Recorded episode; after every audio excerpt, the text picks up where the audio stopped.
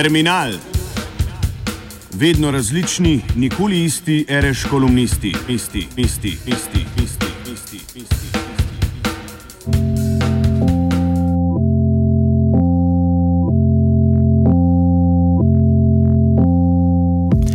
Zalivske države, liberalizem konzervativnega.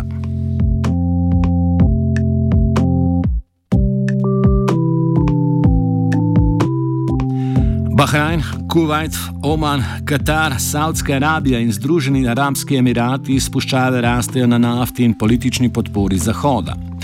Poleg življenjskih in moralno spornih aspektov teh zalivskih držav pa so zanimivi tudi načini ekonomskega delovanja, o katerih čez hrup politično-konzervativnega ni veliko slišati.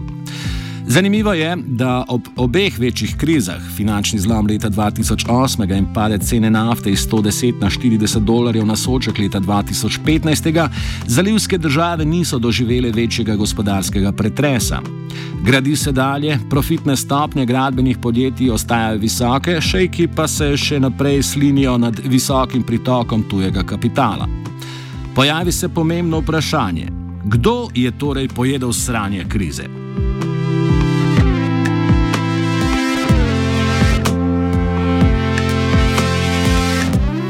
Svet za sodelovanje v zalivu, krajše GCC, je združenje zalivskih držav, ki je bilo na pobudo Mednarodnega finančnega sklada, krajše IMF, ustanovljeno nekje v 90-ih letih.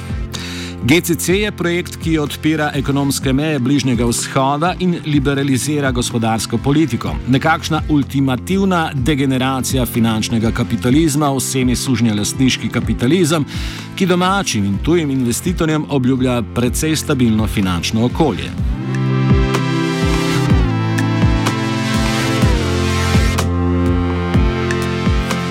Ekonomska liberalizacija je vodila v razprodajo premoženja Jordanije, Sirije, Libanona, Egipta, Palestine, Libije in Tunizije, kjer kar 60 odstotkov vseh tujih neposrednih investicij predstavljajo investicije GCC.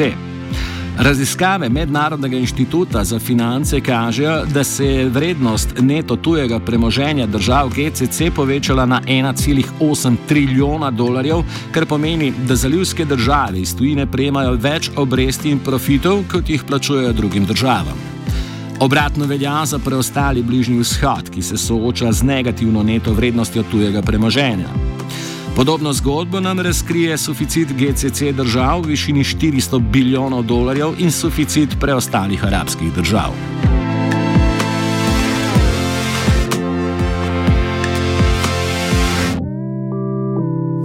Poleg ekonomskih dejavnikov pa na relativno dober položaj zalivskih držav vpliva tudi njihova politična stabilnost in predvsem družbena in politična nestabilnost ostalih arabskih držav. Posledica teh trendov je ustvarila idealno situacijo za pritok imigrantske delovne sile v GCC. Od leta 1950 do leta 2005 se je v zalivskih državah populacija dvignila iz 10 milijonov na 40 milijonov prebivalcev.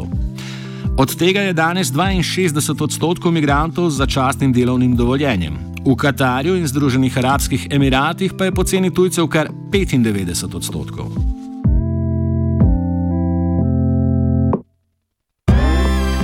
V velikem deležu imigranskega dela se skriva odgovor za gospodarsko krizo.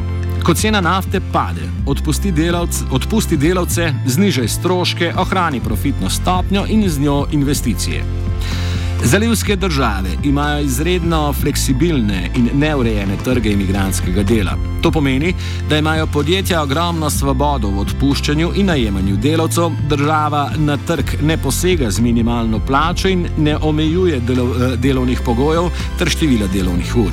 In res, odpuščanje je glavno sredstvo prilagajanja ekonomiji držav GCC na slabe gospodarske razmere.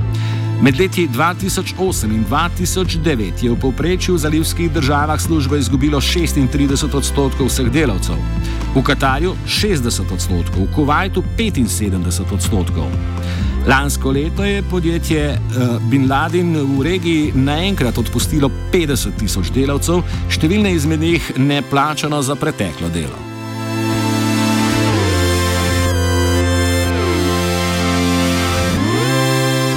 Te dejavnike v številnih ekonomskih poročilih hvalijo liberalni ekonomisti, ki pa se ne zavedajo, da odpuščeni delavec ostane brez socialne pomoči in vize, zaradi česar se je primoran, pogosto celo zadolžen, prebiti čez puščavo in nazaj v Palestino, Indijo, Pakistan, Jordanijo in podobne države. Ne zavedajo se tudi dejstva, da zaradi, zaradi odliva delavcev iz okoliških držav te države ekonomsko stagnirajo, ob dodatnem političnem pritisku Zahoda pa ostajajo izredno nestabilne.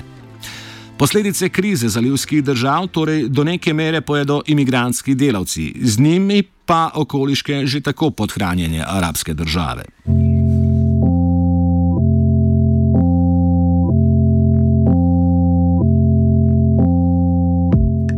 Še kratka in izredno prekopačna ekonomska napoved.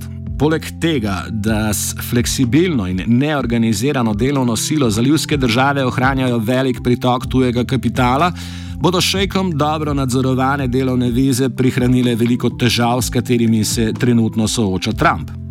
Nizko izobraženi delavci bodo ob prehodu zalivskih držav v storitveno in semi-automatizirano fazo neustrezen kader, ki se ga bodo brez večjih težav in brez stroškov tudi znebile. Vse je na mestu za še eno zgodbo uspeha liberalizacije, ki bo čez 20 let praktično primer vsakega borca za ekonomsko svobodo.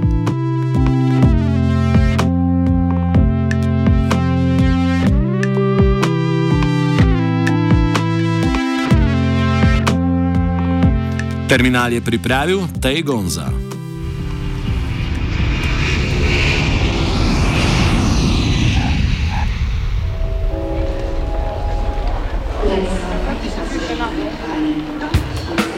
Terminal. Vedno različni, nikoli isti, reš kolumnisti, isti, isti, isti, isti, isti, isti. isti.